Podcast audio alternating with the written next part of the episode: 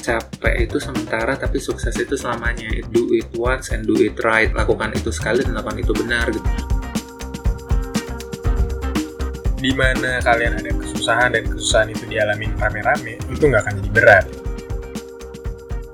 Halo sejawat, selamat datang di podcast Luka Luka Lulus FK Lukmana Dengan gue sebagai host Taufik Akmal Podcast ini membahas kehidupan PPDS atau residensi dari berbagai program studi Supaya kalian para dokter, koas, dan mahasiswa FK tahu mau masuk spesialis apa di episode kali ini kita akan rekaman bareng PPDS dari Urologi, Dr. Dimas dan Dr. Cahyo. Kali ini rekamannya di kamar jaga urologi, jadi tidak akan maksimal kualitas suaranya. Semoga tetap bisa menikmati.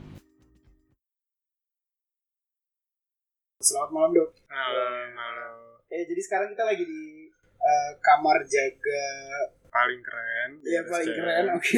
Emang ada sofa bednya ada beberapa. oh nggak boleh. dok. Maaf. Oh, nggak apa-apa. Ya emang itu paling Nanti keren bisa di cut cut kok. Nanti bisa di cut cut santai aja.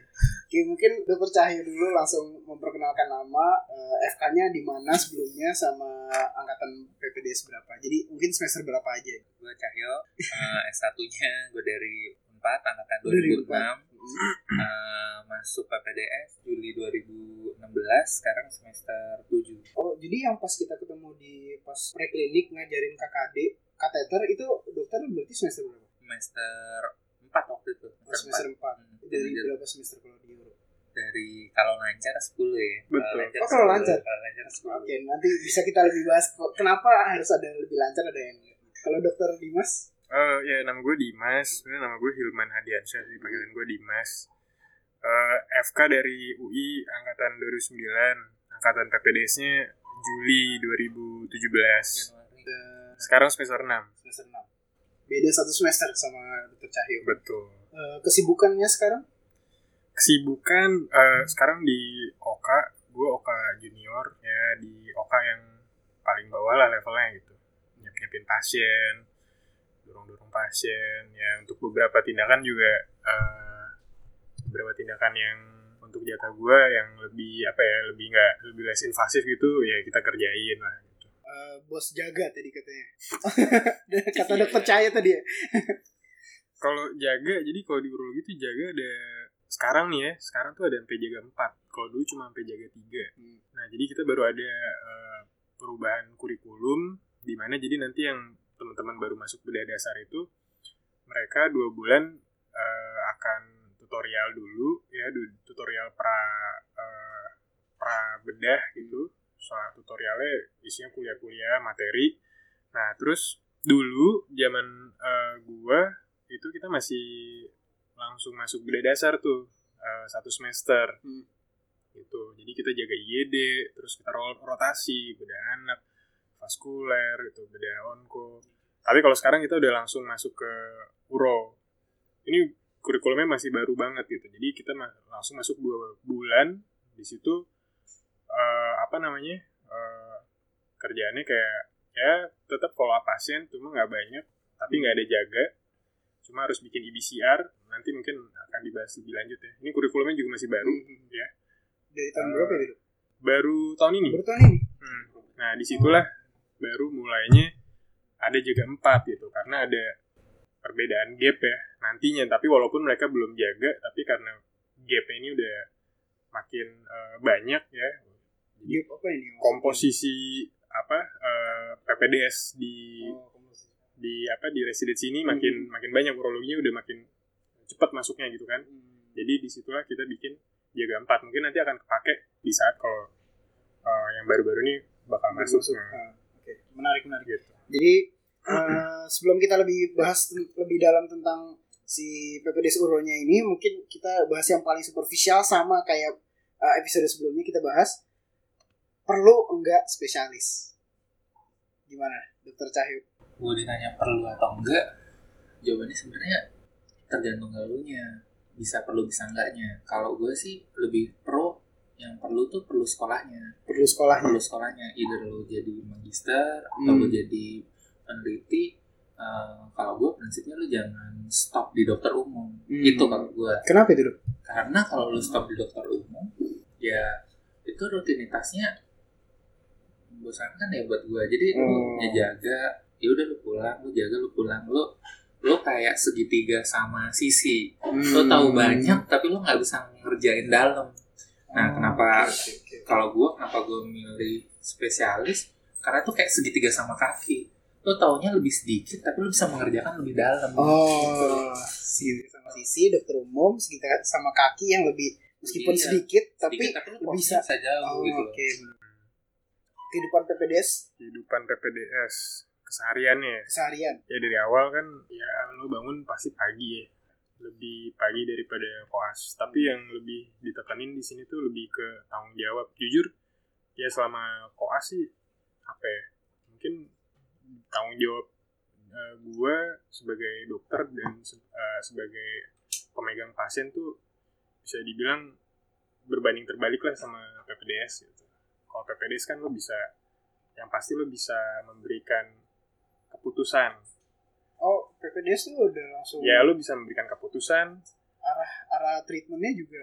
arah PPDS. treatment ya pastinya kan lu harus atas supervisi dari Iya. konsulen Hmm. tapi biar gimana pun di sini lo yang kadang memberikan keputusan kadang kan konsulen lo tidak melihat langsung pasiennya gitu.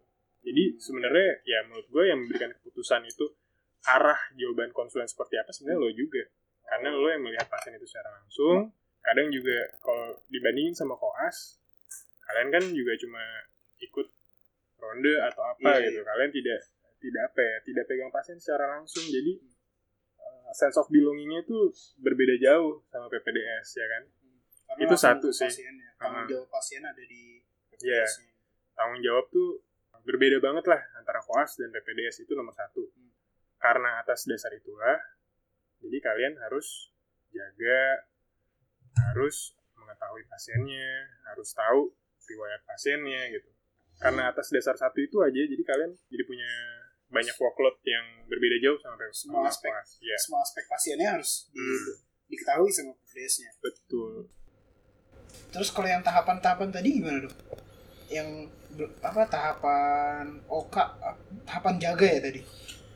Oh, kalau kalau tahapan itu sebenarnya eh, sesuai dengan kompetensi. Jadi eh, yang eh, tahap satu itu yang tadi pembekalan. Jadi Hmm. dia eh, dasar-dasar bedah eh, dan pengetahuan jaga penguasaan pasien ruangan, eh, tahu eh, baca lap- laporan operasi dan pasien ini harus diapain setelah operasi. Jadi kalau lu mau jadi dokter bedah sebelum lu bikin luka lu harus tahu gimana cara ngerawat luka karena kan Hmm. lu yang bikin luka kan jangan lu udah bikin lu nggak tahu Iya, cara iya. ngerawatnya nah kalau tahap dua itu eh tahapan gue sekarang nih magang jadi sama Dimas sama tahap magang gitu jadi magang itu itu kayak lampu merah aja jadi kalau tahapan satu kan merah Iya. Itu berhenti kan bisa apa apa Iya, kalau lu kuning bisa itu setengah-setengah bisa maju bisa Oh itu maksudnya warna-warnanya itu. Enggak sih itu Oh, itu pemikiran gue aja. Kalau kalau aslinya sih eh, kurang lebih tahapan dua tuh ada kompetensi yang lebih tinggi dibanding tahapan satu karena dia eh, Oh, udah iya, harus tahu masalah penguasaan pasien di ruangan, di Hmm. poli dan penguasaan eh, dasar di ruang Hmm. operasi kayak yang Dimas bilang tadi. Jadi dia tahu Jadi di junior pasien OK jadi gitu. ya untuk semester 6 ya memang junior AK jadi tanggung Hmm. jawabnya tuh eh, tahu tentang dasar operasi sampai eh, ini operasi kurang lebih akan gimana dia tahu dulu karena Hmm. nanti eh, begitu dia nanti naik tahapan berikutnya kan eh, dia mungkin dari asisten 2 jadi ke asisten satu gitu yang langsung dengan Oh. konsulen gitu tahap 3 ya tahap mandiri tahap mandiri tuh eh ya benar-benar udah beberapa eh, beberapa hal dia udah bisa mengambil putusan Hmm. sesuai dengan kompetensinya. Eh, Yang tapi ACC dengan konsulen tadi? ACC dengan konsulen itu juga eh, sesuai dengan kompetensinya. Misalnya kalau lu semester 5 itu itu kan semester poli ya. Jadi lu Hmm.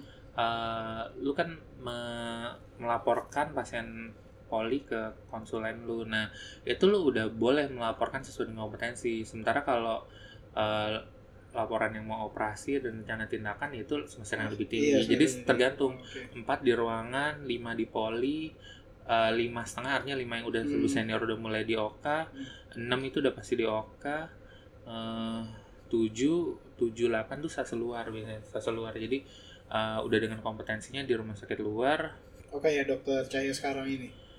Ah, ah, jadi dikasih dari- dokter tadi di mana? Pasar Rebo. ah, saat ini sih lagi di sase luar pasar Ah, itu jadi tahu kalau lu sase luar tuh artinya lu mengerjakan tanggung jawab lu harus tahu pasien ruangan pasien poli ah, sama rencana di Oka mau ngapain sama post opnya gimana Semuanya gitu. Ah, ah. jadi lo belajar langsung dengan ah, disupervisi dengan dokter spesialis yang ada di rumah sakit tersebut. Nah, lo bisa ah, belajar juga bukan hanya secara teorinya tapi lebih ke Prakteknya juga. prakteknya dan eh, operasinya juga diajarin di sana gitu. Ini pasien nih kayak gini mau diapain gitu. Jadi judgement judgementnya dilatih lebih tajam lagi di luar gitu. Eh, itu juga berarti artinya tanggung jawab lo juga Iya lebih. Eh, lebih ini lagi nanti kalau 9 10 kan udah masuk mandiri Hmm. tuh. Nah, itu udah persiapan untuk jadi eh urolog. Jadi udah jadi chief di RSCM biasanya Oh, gitu. oke. Hmm, Jadi buat naik ke tingkat-tingkat itu yang per, yang diperlukan apa dok? Eh, trust atau ilmu kah Hmm. atau gimana? Hmm.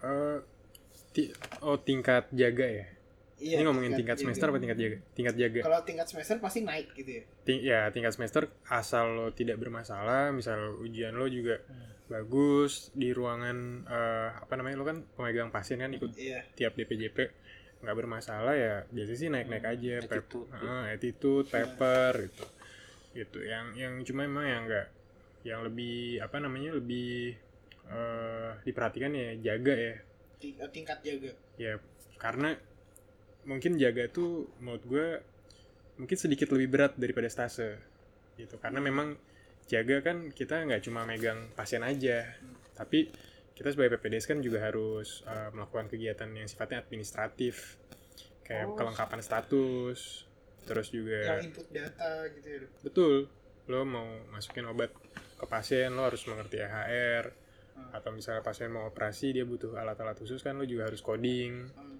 ya kan lo harus membuat alat-alat yang dibutuhkan pasien itu tuh goal Iya. di tangan lo ya jadi nah itu tiap Oh, PPDS tuh administrasi rumah sakit berarti juga. dong? betul kemampuan PPDS kan lain-lain tuh untuk mengelola hal-hal seperti Iya. itu kan ada yang eh, cepat banget adaptasinya oh ini dia udah, udah bisa ini udah bisa itu jadi ya dia sedikit lebih dipercaya untuk memegang bagian itu ada yang- Dipercaya oleh ya untuk oleh senior seniornya oleh seniornya. Hmm. ada juga yang eh, oh ini kerja ini masih belum cepet nih Hmm. oh ya udah deh nanti dia masih di sini dulu nanti beberapa temennya mungkin yang udah kerja udah lebih cepet udah bisa mengelola pasien tahu diagnosa dan tindakannya ini sesuai itu mungkin eh, ya naik jaganya lebih cepet ya itu bisa gitu Hmm. Jadi tadi apa quotesnya dokter Cahyo? G apa trust is gimana? Trust is gain. Trust is gain. gain di sini. Jadi eh, kalau dikasih kepercayaan eh, dilakukan sebaik mungkin. Jadi kalau lo mengerjakan pekerjaan yang kecil itu sebagus mungkin lo akan dikasih kepercayaan lebih gede kalau di departemen ini. Hmm. Oke, menarik. Kalau dokter Cahyo sendiri kenapa mau dokter uro? Kenapa mau masuk spesialis uro? Hmm, Apakah karena emang dokter uro kurang? eh, jadi panggilan hati ah, mengabdi ke Indonesia atau gimana dok? kalau kalau kenapa urologi jawabannya eh, ya karena suka ya pertama kali Oh, dengan karena em, PPDS itu kan program dengan dokter spesialis artinya Hmm. lo akan jadi dokter spesialis yang title-nya akan melekat di lu setel- setelah lu lulus Iya. jadi artinya Hmm. setiap hari lo akan mengerjakan rutinitas yang lo lakukan selama PPDS kan cuman bedanya Oh. adalah beda tempatnya kalau beda tempatnya dan beda rumah sakitnya Nah, jadi eh, kalau lu nggak menyukai itu kalau lu nggak menyukai itu lo akan menderita gue rasa ya karena setiap hari lo kan akan terpaksa gitu kan. Jadi kalau gue emang karena suka dengan Di urologi bidangnya suka dengan urologi sukanya sih eh, ini sih true story aja ya. Kalau ini Hmm. karena nyokap gue dulu kena batu ginjal Hmm. saat gue mau disumpah dokter. Jadi eh, dia ya pokoknya ada beberapa treatment urologi di luar yang eh, belum berhasil dengan nyokap gue dan akhirnya dia dibawa ke RSCM kemudian di RSCM di eh, konsultan gue Hmm. yang di sini eh, dokter Nur nah itu dia di eh, di operasi operasi itu ya emang minimal invasif dia cuman sat- SWL. lukanya satu jari SWL ya? No PCN PCN Oh, jadi dia cuma satu jari dan itu bisa ngancurin batunya semua nah jadi step by step awalnya kan di SWL di luar nggak Iya. berhasil kemudian sampai dikirim sini di titik itu tuh gue belajar tentang urologi dan suka dengan urologi Oh. di situ sih Memang harus passion berarti ya dok. Maksudnya emang suka soalnya bakal jadi apa bakal jadi title yang seumur hidup gitu. ya yang jadi lu urusin juga ya itu itu terus gitu. betul gitu kalau eh, kalau lu nggak suka eh, sayang yang buat gue karena PPDS itu apa pun PPDS-nya itu menurut gue pasti eh, nggak ringan nggak mudah gitu nggak ringan nggak mudah jadi kalau lu nggak suka itu banyak yang stop di di departemen mana pun ada ada yang semester, setelah semester Mundur satu mundur ada yang sema- kalau di departemen gue belum ada sih yang baru masuk dua minggu atau tiga Oh, minggu mundur nggak ada tapi Eh, departemen lain ada, ada yang ya. baru berapa gitu mundur gitu kalau di sini sih Belum yang ada. penting sih dari awal ditekankan lu eh, bener-bener mau masuk sini kan lu harus inget eh, gini ibaratnya nih saat ini misalnya lu ngerasa berat lu inget betapa dulu waktu lu tes lu memohon untuk lu ada di posisi lu sekarang Ah. gitu jadi kalau Hmm, lu inget saat itu lu akan inget lagi tuh masa-masa dulu lu berjuang susah banget gitu untuk tes-tesnya gitu kan Hmm. Nah sekarang lu udah dikasih kesempatan itu jadi jangan disia-siakan sih menurut Hmm. gue. Makanya tadi yang gue bilang trust is game gitu karena benar-benar harus dengan Dimas mungkin tambahan. Hmm. Apa tadi? Eh, masuk uronya kenapa? Oh, masuk uro. Iya. Hmm, masuk uro ya. Kalau jujur, eh, kalau masuk uro buat gue tuh, jujur ayah gue kan juga dokter ya. Ayah gue Oh, dokter hmm. juga, eh, urolog juga. Jadi apa namanya? eh, mungkin eh, urologi buat gue dari kecil mungkin gue lebih familiar Udah dengan uro. gitu Ya, apa yang dikerjakan. Kerjaannya ngapain aja sih? Mungkin gue kecil cuma denger, "Eh, ini nembak batu, terus operasi operasi genital terus ya pokoknya ya udah ada bayangan lah gitu dokter Uro tuh ngapain? Dan kalau gue lebih ke apa namanya di bedah sendiri kan bedah banyak. Ya ada bedah onko vaskuler gitu. Kenapa? Yang pasti kalau eh, untuk gue lo untuk nanti deh buat teman-teman yang baru akan lulus juga mau ambil spesialis tetepin dulu kalian mau yang pegang pisau atau enggak Hmm, Jadi-? Bedanya apa? beda banget. Sebenarnya kalau gue membedakan PPDS itu dari situ dulu.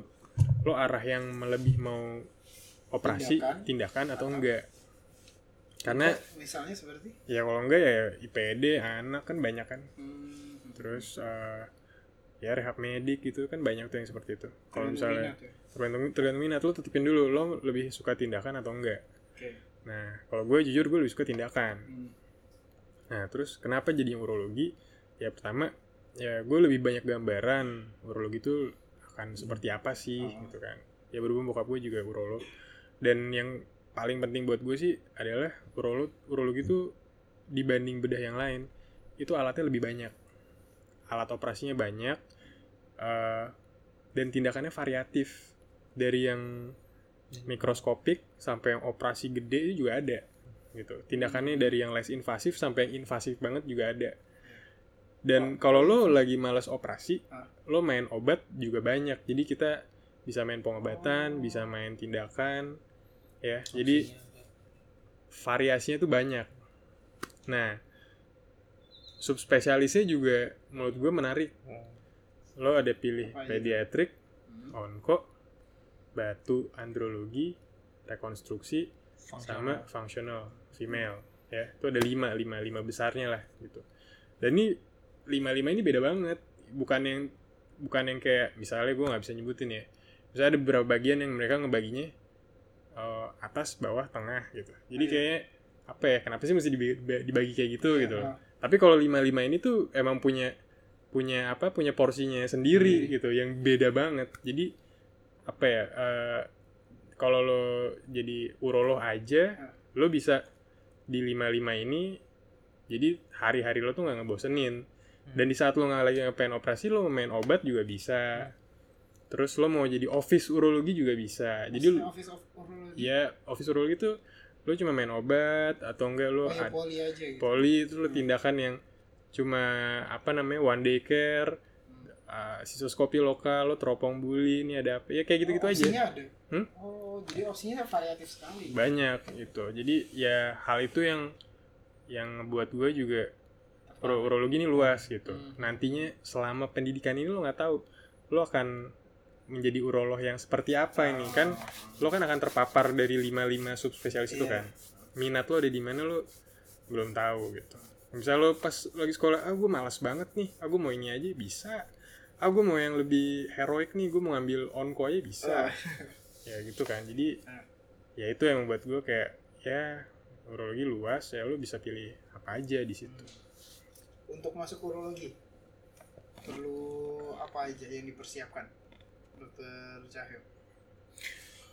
Eh, kalau kalau masuk urologi sih eh, pertanyaan pertama pasti motivasi ya motivasi motivasi itu eh, yang selalu diulang-ulang itu motivasi gitu. Jadi apa sih motivasi kita? Kenapa sih kita ngambil eh, pilihan program studi ini? Jadi eh, pasti tanya kenapa urologi? Terus yang kedua lalu siapin lah tuh jawabannya sendiri gitu kenapa Oke, urologi? satu, terus? terus eh, kenapa di UI karena em, program studi urologi ini ada di lima tempat saat ini. Jakarta Bandung Malang Surabaya Jogja gitu. Oke. kenapa harus di Kenapa UI? UI? kenapa nggak tempat lain gitu. Lalu habis itu eh, Uro kenapa UI? dan habis itu kenapa sekarang gitu. Karena kan eh, per- bukaannya kan ada dua tuh. Ada Januari dan eh, Juli. Jadi angkatannya tuh angkatan Januari angkatan Juli. Nah kenapa harus sekarang gitu? Kenapa nggak sebelum ini atau kenapa nggak Iya. besok gitu? Itu harus bisa dijawab. Terus yang kedua eh yang buat gua buat penting juga buat yang mau masuk PPDS umum dan kalau misalnya masuk Uro ya Hah? itu eh, yang paling penting tuh lu jelas gitu setelah lulus lu mau ke mana gitu Oh, tempat Te- kembalinya. tempat kembali gitu jadi eh, kalau lu datang gitu terus lu daftar gitu ada tuh dulu waktu wawancara ada yang bilang kenapa urologi karena asik gitu Karena asik. iya kan jawabannya ya lu lu lu aja ketawa gitu dengar mau iya, ngomong gitu apalagi apalagi para guru-guru kita gitu loh maksudnya iya ya? gitu kan kan dari seorang yang diwawancara lu ngerti gitu ja- Hmm. apa eh, jawaban lu gitu misalnya terlihat yang Terlihat nih, yang punya termotivasi arah. dan jelas nih arahnya Hmm. gitu Hmm, kayak gimana nih eh, rencana lu saat ini dan ke depan nah Iya. itu harus jelas gitu misalnya biaya biaya biaya sekolah selama sekolah selama Hmm. sekolah di urologi nih bukan yang nggak bisa kerja sampingan ya kalau Oh bisa, lu bisa- kalau lu cukup kuat dan cukup pintar untuk memanage mungkin bisa gitu Hmm. tapi kebanyakan sih mereka eh, kebanyakan mereka fokus dengan dunia pendidikannya dulu sih selama selama Oh, sekolah dunia ini pendidikan. artinya kan berarti kan harus ada biaya yang cukup baik Hmm. itu untuk biaya hidup maupun biaya akademis, kuliah gitu. Jadi, itu akan menjadi nilai tersendiri kalau lu misalnya bisa jawab oh ya eh, saya eh, untuk pendidikan dapat dari mana? gitu. Dibiayai. nah, dibiayai apakah Oke. itu biaya udah ada yang ada. Itu itu kalau di urologi gitu kalau hmm, rekomendasi di sini sih nggak terlalu iya rekomendasi nggak. rekomendasi nggak terlalu ya. Misalnya lu naruh nama seorang profesor di sini gitu. Tapi eh, nanti kan pasti tanya kan prof Iya, ini bener. gitu ini gimana? Bener nggak? Gitu. Kadang ada yang karena nggak enak dia ngasih tantangan oh iya persis gitu. banget kata-katanya Ya, karena nggak enak ada tantangan gitu, tapi- juga. Eh, kalau di sini benar-benar bukan karena rekomendasi jadi lebih ke anak ini eh, niat nggak urologinya tuh kelihatan gitu dan hasil-hasil ujiannya gitu. Jadi eh, bukan karena lu anaknya siapa gitu Hmm. masuk itu enggak kalau di departemen gue sih ada juga dulu anaknya dokter urologi nggak keterima juga ada Hmm. waktu dulu gitu jadi nggak nggak murni itu nggak murni nepotisme gitu Jadi, enggak sih rekomendasi. gue sih nggak ngeliat itu sih kalau kalau yang tadi dok yang salah satu eh, tes yang paling penting tuh bukan bukan MMPI tapi lebih ke koran koran ya tadi namanya Eh, tes koran itu bagian dari tes psikologi. Tes psikologi. Tes psikologi kalau di UI ini dia masuk dalam tes MMPI dan Hmm. tes psikotes.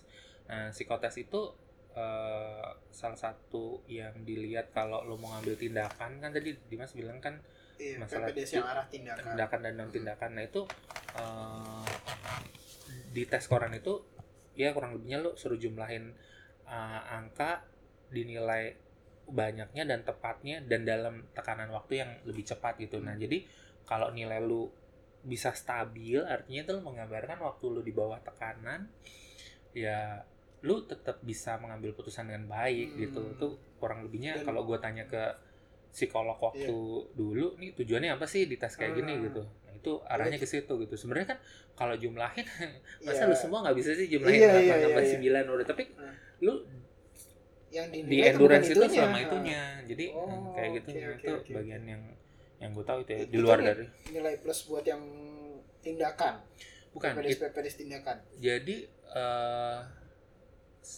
si yang gue tanya waktu Iya. itu ke Ah. psikolognya tuh dia eh, dia ngomong eh, dia akan ada nih keluar yang hasilnya tuh cuman direkomendasikan dipertimbangkan atau tidak direkomendasikan Oh, gitu cuman itu doang? itu poinnya nanti dari Nah, ini hasil dari itu hasil psikotesnya dari hasil psikotesnya tapi Ah, hasil oke. psikotes itu punya poin tersendiri jadi kalau lu tes di uro itu Hmm. ada 6 tau gue tes mata tes mata sama Oh, tes iya. fisik terus habis itu tes Mata, fisik. simak terus selain tes simak eh, lu lihat pemberkasannya juga ada pemberkasannya dulu sebelumnya awalnya Hmm.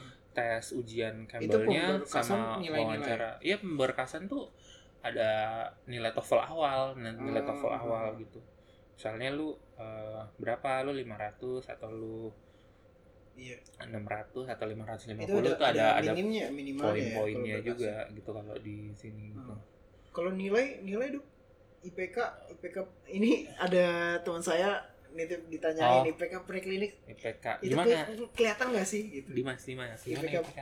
Preklinik atau klinik IPK Kalau nggak- PPDS ya Hmm, tapi nggak tahu ya. Ini gue nggak, gue jujur gue nggak update yang sekarang. Tapi kalau zaman gue kalau nggak salah tuh kayaknya harus hmm, asli lo lupa gue. Apa di atas di atas ti, tiga ya? Sebenarnya sih kalau tingginya lupa, sih gua udah- 275 cuman Nah, eh, 275 ya, ya, Oh, 275. tapi ya kalau lu makin Bener. tinggi ya makin nilai plus lah gitu. oh tapi ya di atas 2,75 Iya. Ya Pas tapi zaman. tapi ya rata-rata kayak rata-rata pada di atas tiga tiga semua sih iya Hmm. yang daftar. Oh, Itu sih. oke. Karena eh, karena rata-rata pada segituan, jadi gue bahkan nggak tahu nilai minimalnya berapa. Kayak sih segituan ya. Segituan ya. Hmm. Eh, beasiswa kebanyakan kalau PPDS Uro beasiswanya apa aja ada yang Eh, LPDP nggak ya Nah ini ini dokter Cahyo LPDP. oh iya daftar aja LPDP Ah iya gua gua LPDP Ah. eh, ya beasiswa sih banyak ya di sini ada yang dari Kementerian Pertahanan, tentara, ada yang dari Kementerian Kesehatan, ada ada yang dari Kementerian Keuangan kayak gue LPDP itu ada juga di sini itu. Sangat variatif banget ya? Ya variatif di sini variatif. Karena emang kalau udah eh, kalau di beda saraf tuh kemarin ditekanin kalau apa lu caranya tuh banyak deh kalau lu yang penting lu visinya jelas gitu. Ntar pas lu udah dokter tuh apa yang biayain tuh banyak sebetulnya kalau lu nyari gitu. Hmm, Bener nggak sih, sebenarnya sih eh, kalau dilihat lagi ya Hmm. ini kan pertanyaannya eh, ibu- kalau yang gue dengar dari tanggapan lo tadi tuh jadi seolah-olah kalau eh, yang penting gue mau sekolah nanti akan ada jalannya begitu kan Iya, Bener kan? Iya, Kayak gitu kan tuh pasti ada jalan kemarin. ya Bener. terus ya semua juga ngomongnya gitu ya jadi ketika lo ada keinginan pasti ada jalannya gitu cuman maksud gue Tapi sih kayaknya kalau untuk gue nggak tahu kalau di universitas lain, kalau di UI kan ada sistem BOP hmm, berkeadilan ya. hmm, Apa ya? Kalau nggak salah namanya masih itu deh. Jadi kalau misalnya kita zaman gue S1 sih, gue nggak tahu ini berlaku di BPDS apa enggak. Kalau misalnya lo eh, taruhlah dengan arti kata lo kurang mampu deh, Iya. misalnya bayar kalau dulu S1 tuh zaman gue tujuh setengah. Nanti Iya, lo masih lo ngasih lihat ya rekening tagihan listrik lo terus rumah lo di mana apa segala Oke macam udah ngelamar kerja. Eh, diajuin Iya, aja ke UI nanti di UI sendiri dia bakal ngasih apa namanya Keringanan. keringanan, oh. kalau nggak salah teman gue bahkan ada yang cuma bayar sejuta per semester juga ada Oh. tapi gue nggak tahu kalau yang sama sekali gratis ya gitu Hmm. jadi maksudnya ya gue setuju sih jadi lo bilang ya pasti ada jalan pasti Hmm. kalau emang lo mau gitu Hmm. tapi kalau emang ya nggak semangat nyari nyarinya juga ya nggak ada jalan juga Kalau ditanya mau masuk Uro kenapa? Karena asik itu ya udah. nah itu Nggak. sih itu salah sih menurut gue jadi harus ada alasan yang tepat lah yang Yang bikin kalau emang oh ya ini emang anak niat Hmm. gitu Kalau eh, karakter yang dicari PPDS Uro itu apa? Kalau beda saraf tuh kemarin sayangnya tuh nggak kemasuk di ini ya nggak kemasuk di podcastnya soalnya pas sudah selesai rekaman baru dibahas itu. Hmm. jadi kalau beda saraf tuh dicarinya yang mungkin ada egonya sedikit gitu. Eh, biar bisa mengkoordinasikan Oka gitu. Oh gitu ya? Maksudnya ada requirement kayak gitu? Ada apa te- apa karakter-karakter tertentu yang dicari gitu. Hmm. kalau pas masuk PPDS kalau di Uro ada nggak ya? Kalau diurus sih gue nggak tahu. Kalau itu harusnya yang bisa jawab konsulen kita ya. Oh, seharusnya. Oke, tapi kalau yang gue perhatikan sih. Yang biasanya yang diterima ya emang ya masih apa namanya ya orang-orang yang kelihatan semangat lah gitu. Jadi kelihatan kalau yang udah diwawancara tuh biasanya udah kamu yakin? Ya sebenarnya mungkin ya kelihatan ragu-ragu. Iya, itu udah ya. pasti udah pasti KO aja menurut gue. Menurut gue ya ini Ah, asumsi gue hmm. pribadi. Seperti kayak sih kayak gitu. Soalnya rata-rata yang diterima tuh yang yang berani berani kerja capek. Hmm. gitu karena kan kalian workload kalian banyak. Mungkin kan banyak banyak hal-hal yang kalian korbankan Iya. kan. Either fisik lo pikiran lo mungkin kebagi kan Hmm. segala macam ya kita butuh orang-orang yang dapat menguasai itu. Oke. Hmm, cuman cuman eh, eh, agak beda nih kalau di departemen departemen urologi menurut gue eh, kalau di departemen yang lu wawancara sebelumnya kan dia bilang kan eh, residen residen residen baru keluarga atau yang lainnya kan. Kalau di sini eh, enggak. Eh, di sini keluarga nomor satu sih kalau di sini. Jadi eh, misalnya wa- misalnya waktu gue junior bokap gue sakit gitu. Nah itu gue benar-benar di eh, bebas tugaskan dari eh, kegiatan untuk ngerawat keluarga gue waktu itu gitu. Hmm. jadi di sini eh, family number one sih. Itu yang yang gue sangat respect di Oh. departemen gue tuh. Dia nggak yang misal lu tanya gitu kalau keluarga lu sakit gimana? Enggak gitu. Yang penting residensi dulu. Enggak di sini enggak di sini semua bisa dikomunikasikan. Itu eh, orangnya jalan jadi komunikasinya. Jadi bukan bukan yang ya kan kadang kan ada yang nyenengin yang senior atau yang konsulennya. Jadi eh, ya gimana orang tua lu sakit atau keluarga lu sakit tapi misalnya anak lu sakit atau gimana terus habis itu senior lu atau konsulen lu nggak mau tahu gitu enggak kalau di sini kalau lo ngomongin dia akan ngasih eh, apa ya namanya? Keringanan ya ngasih pertimbangan lain gitu. Jadi Oh. eh, sini emang family comes first sih di sini bedanya. Kalau di sini yang udah true story-nya sih eh, dia boleh eh, cuti untuk ngelihat anaknya dulu gitu. Jadi di sini eh, di sini ra- rasa kemanusiaannya tinggi Ah, sih oke, menurut gua iya. jadi emang eh, itu nilai plusnya departemen gua menurut gua jadi Hmm. salah satunya jadi eh, dari mulai konsulen awal dia ngedidikin buat ya lu Keluarga. keluarga dulu baru eh, pekerjaan Hmm. dulu gitu itu yang yang yang gue bangga dengan departemen gue salah Hmm. satunya itu setuju kalau penghasilan dok gimana oh mungkin dokter Setir. Eh dokter Dimas. Penghasilan. Hmm, Iya. penghasilan kita saat sedang PPDS gitu. Soalnya saya diceritain kemarin ada kelas kalau di urologi kita nggak ada nggak ada penghasilan. Maksudnya yang turun temurun nih ini ada ada job nih gitu. Turunin dari senior lu Oh. jaga apa atau enggak lu tindakan apa ntar dikasih duit gitu kan? dia jaga jaga IED gitu. Nggak ada nggak ada gue gue berani bilang nggak ada soalnya ya emang nggak ada Ah, gitu iya, iya.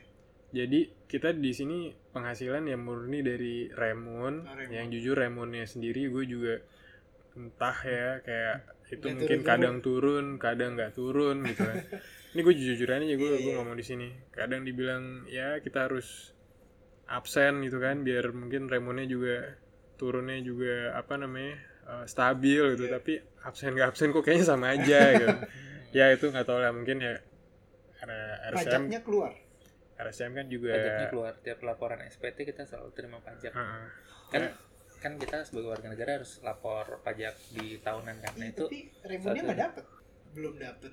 Ya ada yang udah dapet Ah. ada yang dapatnya nanti menyusul ada. Ah, oke oke. Kalau nanti setelah spesialis apakah terjamin seorang PPDS Uro gimana dokter Dimas Kalau udah spesialis, hmm, yang pasti menurut gue terjaminnya dalam batas apa nih?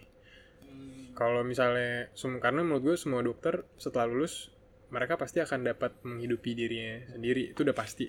Dokter nggak mungkin nggak punya pekerjaan karena semua rumah sakit pasti butuh.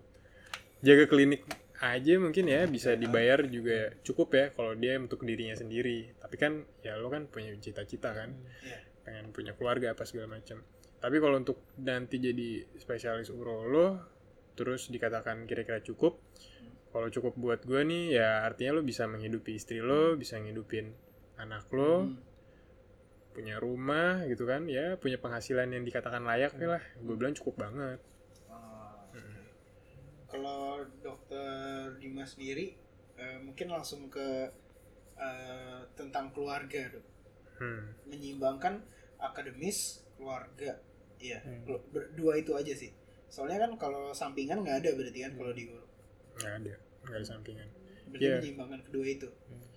Kalau menyeimbangin keluarga, eh, ya pastinya kan, ya kebetulan istri gue juga dokter ya, jadi kita sama-sama sama-sama ngerti gitu PPDS tuh kayak gimana gitu.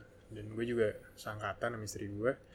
Jadi sebelum memang masuk spesialis, udah inform konsen dulu. Itu sih yang paling utama ya. Kalau nanti kalian mau eh, mau lanjut ke Hmm. spesialis, inform konsen ke keluarga, ke istri ya terutama. Ya kalian bakal kurang waktunya untuk keluarga gitu kan mungkin weekend kalian juga kepake ada acara olahraga atau ada acara di eh, Seminar, apa namanya kuliah. seminar eh, kuliah konsulen nah kadang ada konsulen yang bikin kuliah tuh benar-benar di hari minggu loh gitu ya mungkin itu gue nggak tahu departemen lain tapi departemen urologi Kurang segitunya segitunya supaya karena kita nggak ada waktu lagi buat bisa ketemu bareng-bareng Hmm. karena mungkin hari-hari kita weekdays tuh kepake untuk pelayanan kan Oh iya. jadi kadang weekend ada kuliah konsulen dan ya itu sama sekali nggak bisa diganggu. Menurut gue itu yang lebih penting lah gitu kan. Konsulen ngasih ilmunya langsung kok masa kita nggak datang? Dia mau nyempatin Iya. waktunya dia yang sibuk banget gitu. Mm, itu dan datang gitu. Heeh, dan hal-hal itu tuh kadang susah diterima sama keluarga kalian. Apalagi yang nanti pasangan hidup lo tuh ternyata bukan dokter ya.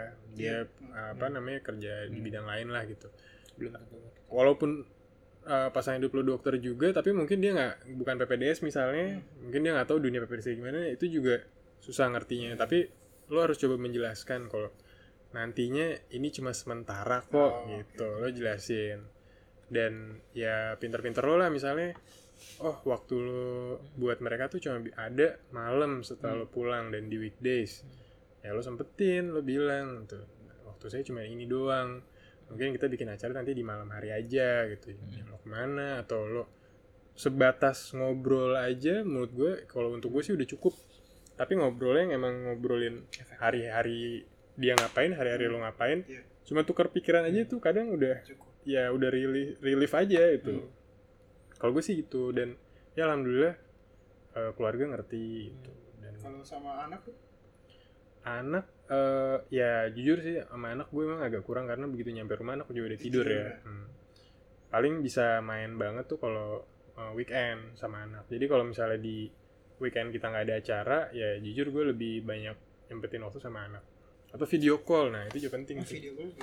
Iya. kalau nggak ntar anak lo lupa dong Oh, iya iya, bokap gue siapa? iya Berarti nikah sa nak nikah sebelum saat setelah PPDS baiknya yang mana? Eh, ya kalau karena lo nanya gue gue pasti bilang sebelum Sebelum. Kalau mungkin nanya orang lain dia punya jawaban yang berbeda ya. Hmm. Tapi kalau kenapa sebelum itu kalau untuk gue lebih ke lo capek untuk siapa gitu. Maksudnya Lo udah capek. di saat lo capek lo berpikir gue capek ini untuk siapa sih? Lo udah ada bayangan oh buat nyenengin yang di rumah. Oh. ya kalau misalnya lo lagi kayak stres lo lagi down banget nih wah lo lagi kena di kena marah konsulen lo kena marah senior tim jaga lo ngaco banget Eh, pasien lo bilang dia nggak kencing darah ternyata nyampe ke konsulen dia bilang kencing darah kan mati kan lo? Iya. ya pokoknya hal-hal kayak gitulah yang lo bikin kayak aduh lo zong banget nih lo lagi kalau mendingan lo ditelan bumi aja lah misalnya lo udah kayak pikiran gitu. Tapi pas gitu lo pikir nggak gue nggak boleh gini nih gue ada tanggung jawab gue di rumah ada tanggung jawab gue harus ketemu istri gue harus nyenengin keluarga gue nah, di situ lo, lo lo bisa bangkit kalau gue kayak gitu. Ya itu salah satunya salah satu apa ya ya keuntungan sebelum Sebelum ya. tapi kalau yang sesudah ya mungkin ya atau yang saat PPDS gimana nih dokter Cahyo nih? Ya, kalau udah percaya ada yang bisa ditambahin nggak? Nikah Kalau- saat sebelum setelah. berhubung gue belum nikah gue kalau bisa ngomong ya Ada terus apa dari sudut pandang gue kalau kalau masalah nikah sih menurut gue eh, itu tergantung komitmennya sih Tep- Hmm. Dimas tadi udah nyontohin yang nikah eh, saat presiden ya lo berarti ya? Nikah saat Sebelum, presiden. Sebelum. sebelum sebelum sebelum. Ah, ada juga teman gue yang nikah saat residen dan ada juga yang setelah eh, mau akhir ya mau akhir atau mau lulus gitu. Itu sebenarnya tergantung komitmen masing-masing sih dan tergantung lo dapet jodohnya juga. Jadi gue nggak bisa iya, komen masalah itu ntar aja deh kalau Ah, Oke. Iya. Eh, Kalau dokter Setio kemarin dia bilang jangan saat gitu, jangan saat residensi. Oh itu benar. Inilah setelah atau sebelum. Karena lu bakal ngerombak lagi a- apa siklus lu gitu. Lu harus adaptasi lagi dengan tanggung jawab yang tiba-tiba masuk Iya. pas lu residensi. Setuju juga sih itu. Bisa juga. Benar juga, benar juga. Kenapa? karena Kenapa? Karena tuh kalau bayangin kayak gitu, ya lo pikiran lo bercabang. Hmm. Sementara nikah tuh udah kayak bikin bikin apa ya? Bikin acara gede banget lah. Hmm. Acara yang mungkin acara paling besar dalam hidup lo ya. Iya. Di saat lo lagi residensi gitu. Di saat lo harus memikirkan menyatukan dua keluarga yang mungkin berbeda adat, Ah, iya. berbeda selera gitu kan. Ya kayak gitu. Ya itu bisa sih menurut gue emang kadang berat ya. Tapi kalau dua-duanya komit mau saat eh, residen Ya silahkan. silahkan juga sih nggak Iya. masalah juga. Nah, Tapi siap capek. Mending dokter apa non dokter? Kalau kitanya dokter misalnya. Kalau dari sudut pandang dokter apa PPDS Uro. Mending Kalau- cari pasangan yang dokter juga kah atau yang non dokter? Kalau gue sih eh yang namanya lo kuliah di FK dari dulu pasti teman lo ya anak FK juga Iya, biasanya ya. mainannya ya itu itu aja gitu. ketemunya dia lagi, dia lagi, Iya, dia lagi. ah. Ntar juga akhirnya pilihnya juga dia dia juga orangnya gitu. Ah. Kalau gue kayak gitu. Gue nggak Oh, berarti dokter dari preklinik. iya di background. Waktu mulanya di angkatan FK. Betul. Jadi maksudnya kalau gue nggak tahu nih kan ada beberapa orang yang dapat jodohnya juga yang bukan FK kan. Iya. Mungkin pertemanannya luas sekali gitu. Ya karena zaman dulu ya kita mainnya sama kita kita juga, terus capeknya juga eh, sama mereka mereka juga, jadi akhirnya ketemu sama FK juga. Tapi itu hal yang menurut gue cukup bagus karena kan eh, pasangan gue jadi tahu kan hari-hari lu kayak gimana gitu karena jujur untuk yang non FK ketemu sama FK tuh yang non FK-nya itu itu akan sulit Mengerti. mengerti Ah, benar oke. karena ada beberapa hal yang nggak bisa lo jelasin gitu Ya sebelum ngalamin. ya sebelum mereka ngalamin sendiri Oh, Oke oke. Terus ke pengalaman semasa PPDS yang paling berkesan. Ya, dokter Cahyo mungkin. Eh, kalau pengalaman ya eh, kalau urologi ini salah satu tindakan yang eh, emergensinya tuh ada ini ada nefrostomi namanya Nefrostomi, nefrostomi nefrostomi itu pasang eh, selang ginjal dari luar gitu jadi mm, pasiennya waktu itu dia ada batu Eh, Nah, karena ada batu, eh, kalau nggak segera di batu itu bikin sumbatan obstruksi. Nah, kalau sumbatan itu nggak segera dirilis, dibuka, nah itu nanti bisa bikin pasien tuh ngalamin eh, gagal ginjal. Nah, kalau pengalaman gue paling seneng ya pasien itu gue nefrostomi dan fungsi ginjalnya bagus kita operasi batu dan dia sehat lagi. Itu sih pengalaman yang paling bikin gue puas. Jadi eh, itu juga sama dulu waktu gue apply beasiswa itu dulu gue Nah ini Ditanya sebelum, kan. sebelum PPDS berarti kan? Uh, dulu gue udah bilang waktu waktu gue apply beasiswa tuh kayak kenapa sih lo harus urologi? Gitu. Maksud beasiswa yang ngebayarin gue dulu tuh belum belum sebanyak sekarang nih Iya, ngebayarin orang urologi gue dulu kebanyakan yang dia incer tuh bedah nah kalau gue bilangnya kenapa gue mau milih urologi? Karena kalau lu jadi angka gagal ginjal karena batu itu kalau nggak salah 6% deh Hmm. 6% di luar dari yang lain itu. Iya. nah eh, kalau gue waktu itu bilang kalau lu bayarin orang cuci darah per BPJS saat itu tuh mungkin bisa teks satu jutaan lah untuk Hmm. sekali tindakan nah sementara kalau lu bayarin transplant ya costnya di BPJS tuh sampai ratusan juta juga yang harus di sharing nah sementara kalau lu nyekolahin urologi ah, lu cukup bayarin gue sekolah Ah, iya. dan gue akan bisa mengurangi angka 6% itu Oh, gitu. Nah itu waktu itu gue bilang kayak gitu. banget jadi ya. akhirnya waktu itu yang ngasih beasiswa gue juga hmm ya juga ya Oh, iya. gitu. Jadi Tercelahkan berpikir gitu situ. bahwa gitu kenapa kenapa nggak ambil beda lain kenapa uro gitu nah gue bilang waktu itu bahwa eh, biaya lo nyekolahin seorang urologi itu bisa Ah. menekan angka yang dicuci darah dan angka yang ditransplantasi Langsung ginjal gitu. gitu. jadi ya boleh dipikirkan gitu Oh. kenapa lu harus Nah dari situ terpikat lah. Nah dari situ Iya, ya siswanya. mungkin kali ya, gue nggak Ya. tahu sih penilaian mereka gimana, mungkin kali. Oke. Kalau mungkin dokter Dimas lebih ke eh, pengalaman yang kurang mengenakan gitu dok. Oh, pengalaman kurang mengenakan. Ah, Hmm, pengalaman kurang mengenakan tuh sebenarnya lebih ke ini sih. Apa namanya? Lo mengedukasi pasien dengan sangat eh, awam, Ah. dengan cara yang sangat awam, tapi pasien lo nggak ngerti-ngerti gitu. Jadi ibarat bu ini udah yang terbaik bu yang kita lakukan. Gitu.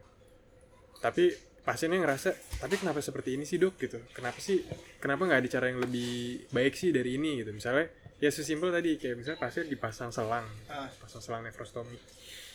Ya ya kita tujuannya rilis obstruksi, tapi kan kadang pasien pasien nggak apa namanya nggak nggak nggak ngerti gitu kenapa saya harus dipasang ini gitu bisa gak nggak usah dipasang aja gitu bahkan ada eh, pasien yang kita mau tindakan mau ngerjain operasi apa tapi sebelum operasi kita harus cuci darah dulu misalnya Hmm. tapi dia nggak mau cuci darah dengan alasan sekali saya dicuci darah saya akan Cuci ketergantungan cuci darah Padahal gitu padahal bu- belum tentu gitu Oh. nah lu apa ya ketemu pasien yang kayak gitu terus pasiennya tetap enggak enggak saya tetap ngotot Saya- sampai akhirnya dia bikin penolakan gitu. Hmm. oh surat penolakan. soal penolakan yang menurut gue itu ya pengalaman yang nggak enak ya buat Hmm. gue gitu ya gue nggak bisa menyampaikan kita nggak satu frekuensi sama pasien kita gitu itu gue gue kurang kurang suka ketemu pasien yang seperti itu. Ya apa namanya lebih kepada emang dia menolak. Ya walaupun mereka sebenarnya ngerti ya tapi mereka benar-benar nggak mau aja gitu. Gue kadang beberapa banyak pasien kayak gitu lu jangan jangan jangan apa jangan eh, jangan nggak percaya gitu banyak banget pasien seperti itu. Gitu. Paling itu sih ya yang pengalaman gak enak. Sama paling ya ada lah tin se- semua tindakan lo kan yang namanya tindakan bedah ya. Iya. Eh, apa yang lo lihat intraop dan setelah operasi mungkin akan berbeda setelah nanti pasien di ruangan. Gitu. Ya di ruangan kan eh, kadang ada keberhasilan operasi lo kan tidak melulu eh, berhasil saat pre-op dan intra-op. Tapi post op itu pasti memegang peranan penting. Artinya jadi kalau misalnya dia di ruangan di kita tidak rawat dengan baik op misalnya ya Hah?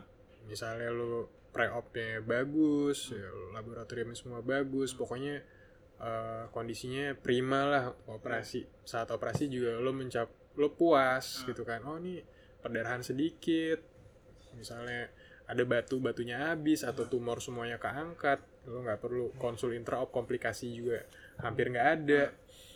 Tapi di ruangan ternyata oh ternyata dia albuminnya turun kita mau transfusi albumin nggak dapet atau ya macam-macam lah ada kendala-kendala Iya, yang sifatnya komplikasi yang administratif heeh, atau di ruangan dirawatnya kurang baik gitu ya akhirnya juga selesai operasinya juga lama dia prolong di rumah sakit tuh lama gitu ya itu ya pengalaman nggak enak ya maksudnya ya lo nggak mencapai eh, apa namanya eh, Ekspektasi. ekspektasi lo gitu Iya. yang harusnya dirawatnya nggak lama ya Tapi, tapi jadi komplikasi komplikasi nambah jadi lagi. lama. Kalau pengalaman yang eh yang mungkin sedikit lucu gitu loh sama PPDS Dokter Cahyo mungkin. gimana ya gue gak bingung juga ya pengalaman yang lucu ini kali ya karena kalau buat gue Iya. yang gue sarankan juga buat lulus semua yang mau sekolah mungkin Ah. jaga kesehatan badan lu sih karena kalau kayak gue kan gemuk ya jadi salah satu pengalaman paling lucu tuh gue pernah lapor pasien dari poli ke departemen waktu itu. Nah gue lari tuh. Nah karena gue lari eh, konsulen gue udah tahu tuh kalau gue mau nyampe. Karena napas gue udah terengah-engah gitu. Jadi itu pengalaman yang lucu sekali. Agak sedih juga sih. Ya harus harus jaga kesehatan lu tuh. Itu kalau buat gue itu. Jadi Ah, Oke. Eh, kenapa? Eh, kalau lo nggak jaga kesehatan nanti lo gampang ngantuk ya. Kalau makin gendut kayak gue tuh makin cepat ngantuk. Jadi Hmm. Eh, murni lo harus jaga kesehatan lo tuh eh, supaya nanti nggak mengganggu lo tuh Oke oke oke. Target selanjutnya Dokter Dimas. Target setelah spesialis. Hmm. Mau kerja dulu kah? Apa lanjut langsung sekolah lagi? Oh, eh target setelah spesialis ya. Hmm. Sampai sekarang sih kayak gue belum bisa jawab sih, karena apa ya? eh, ya gue belum merasakan yang benar-benar operasinya itu gue belum belum ngerasain Oh gitu. iya baru masuk. Ya kita gue baru masuk oka kan. Ya Ah. mungkin gue udah ngerasain beberapa operasi, tapi kan operasi yang kecil-kecil ya, Iya. yang emang sesuai kompetensi gue. Kayak apa tuh ya mungkin ganti-ganti digistan atau apa namanya eh, ya lithotripsy batu buli Oh, gitu iya, kan iya.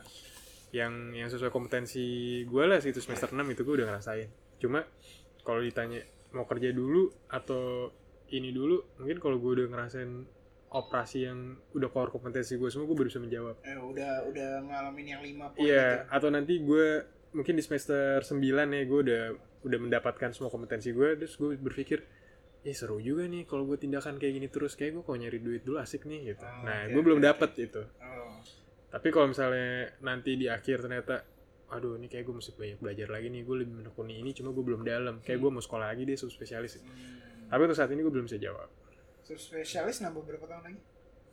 Tergantung lima itu. tergantung velonya mau ya ngambil apa. tergantung velo iya dan Oh, itu kan juga velo ya?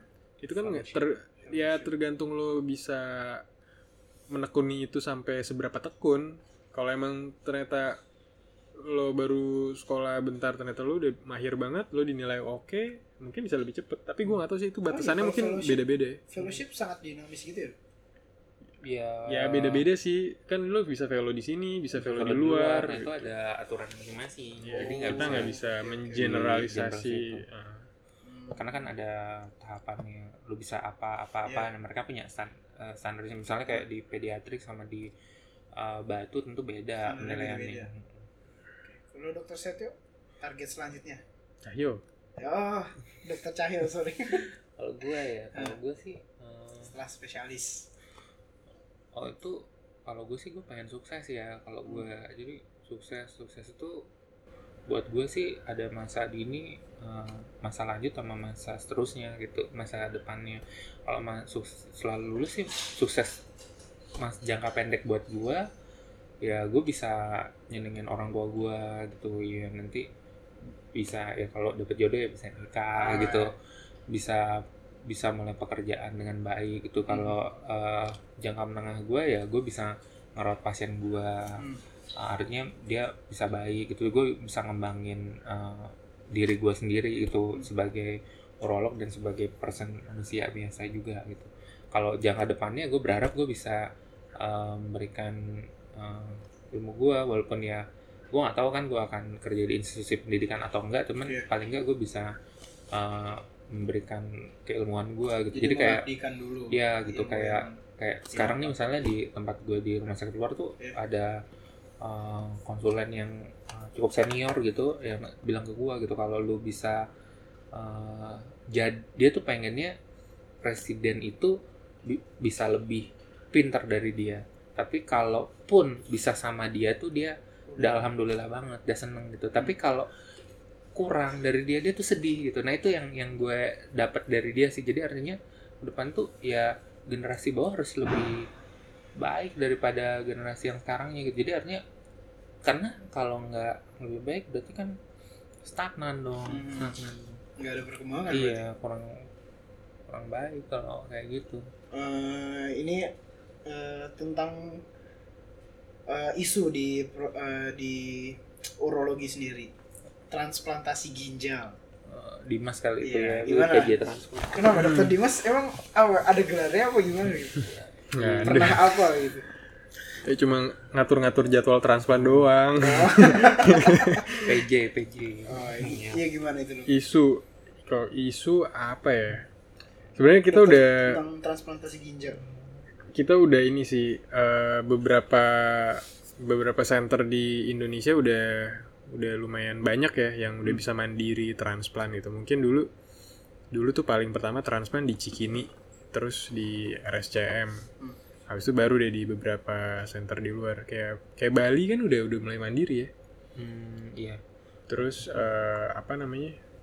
Ya di beberapa sih gue tahu udah mulai mandiri udah nggak maksudnya mandiri tuh kalau dulu jadi kita masih masih di tandem. Jadi beberapa konsulen kita yang emang ahli di transplantasi ginjal datang ke eh, ke rumah sakit rumah sakit buat ngajarin gitu istilahnya. Ngajarin gimana sih transplant yang benar kayak gimana dan bisa berangkat tuh satu tim gitu. Tapi kalau sekarang nih mungkin udah udah mulai eh, banyak ya yang yang ngerjain juga gitu dan biasanya nih apa namanya eh isu yang kenapa ini diangkat? Men- menurut gue menarik sih karena eh, dengan lo transplant lo bisa menekan jumlah orang yang dicuci darah sebenarnya.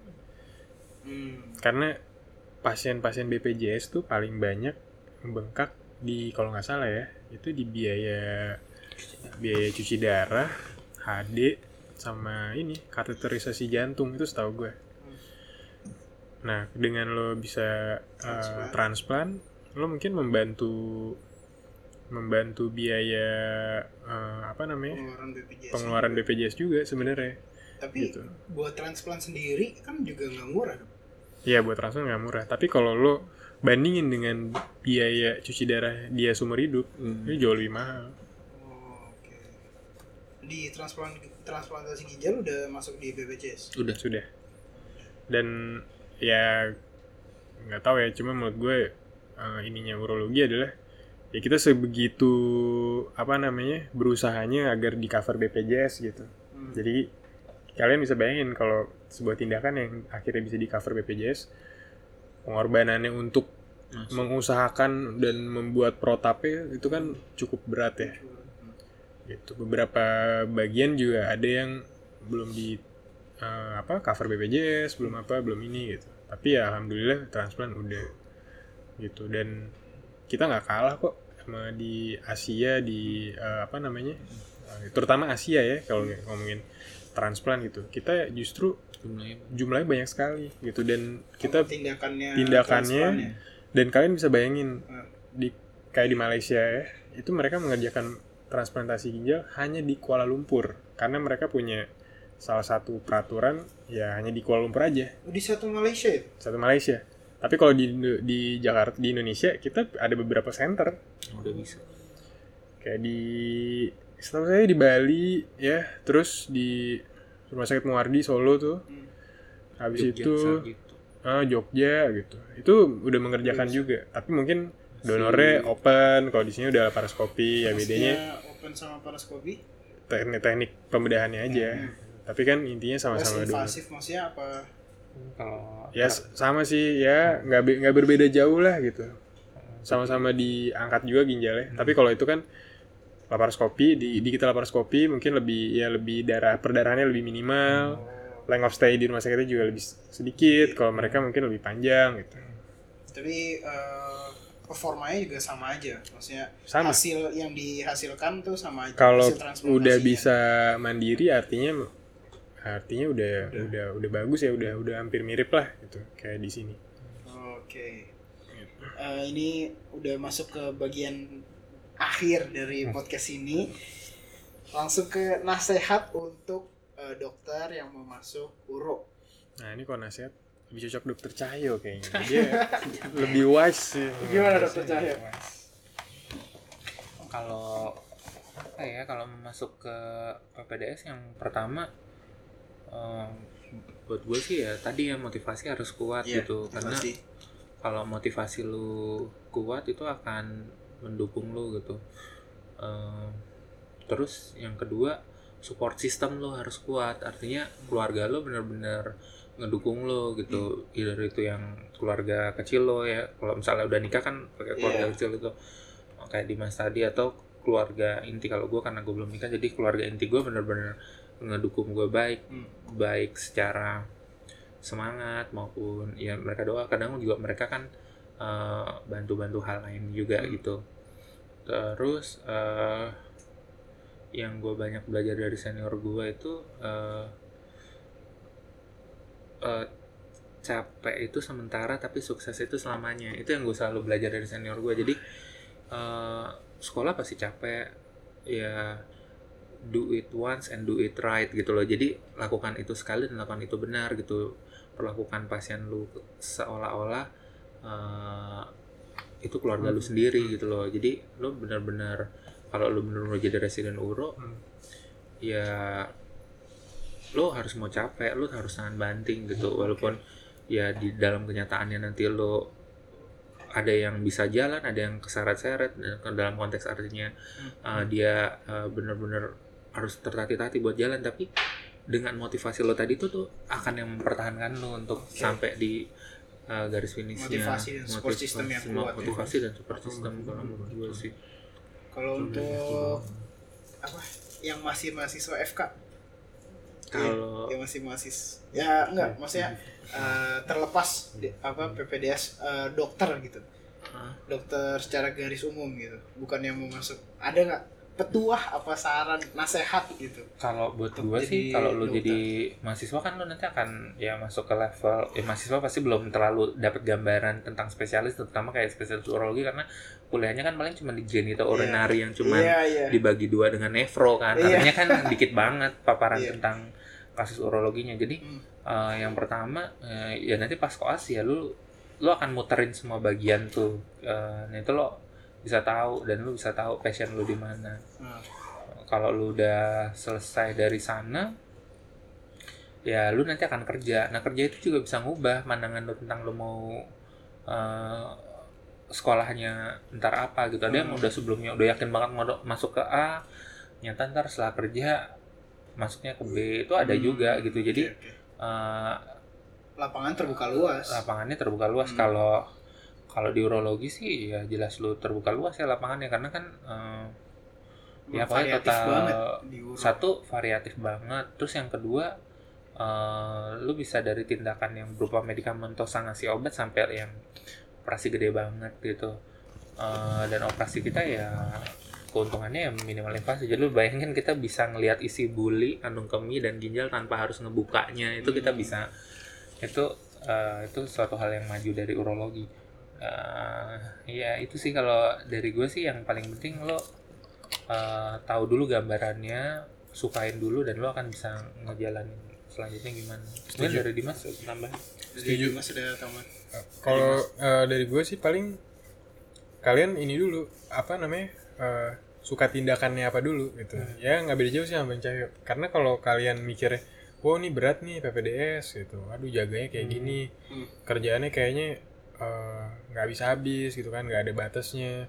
Tapi kalian harus tanamin diri kalian ya have a faith lah gitu kalau Hmm. oke ini PPDS ini cuma sementara Hmm. nanti gue akan ngerjain kegiatan atau tindakan yang emang ya gue suka gitu. Hmm. jadi kalian harus suka dulu sama tindakannya bukan mikirin workloadnya pas iya PPDS workload tuh nggak usah dipikirin karena itu akan berlalu dan seiring PPDS itu bantuan juga pasti banyak kan Hmm. kalian punya teman seangkatan juga nanti akan saling Oke. eh, saling cover Hmm. di mana kalian ada kesusahan dan kesusahan itu dialamin rame-rame itu nggak akan jadi berat Hmm. gitu. Jadi kalau misalnya kalian sekarang eh, suruh milih mau sukanya apa, kalian lihat dulu kalian seneng banget ngeliat Hmm. pasien habis dioperasi apa sih gitu. Kalau Nah, mau tindakan nanti begitu kalian, wih habis dioperasi ini pasiennya langsung bangun, habis dioperasi ini pasiennya langsung bisa ini gitu kan. Nah di situlah kalian mulai ada rasa puas ngeliat pasien yang sembuh kan. Nah di situ kalian mulai, oke gue kayak pengen jadi ini aja deh. Hmm, udah cukup lah podcast episode kali ini. Terima kasih Dokter Dimas, Dokter Cahyo. Oke. Oke. Terima kasih ya. Terima kasih. Terima kasih. Terima kasih sudah mendengarkan podcast ini. Kalau lu ada kritik, saran, atau masukan, atau lu mau request program spesialis apa selanjutnya, silakan langsung DM gua aja di Instagram @taufikakmal t a u f i q a k m l. Thank you.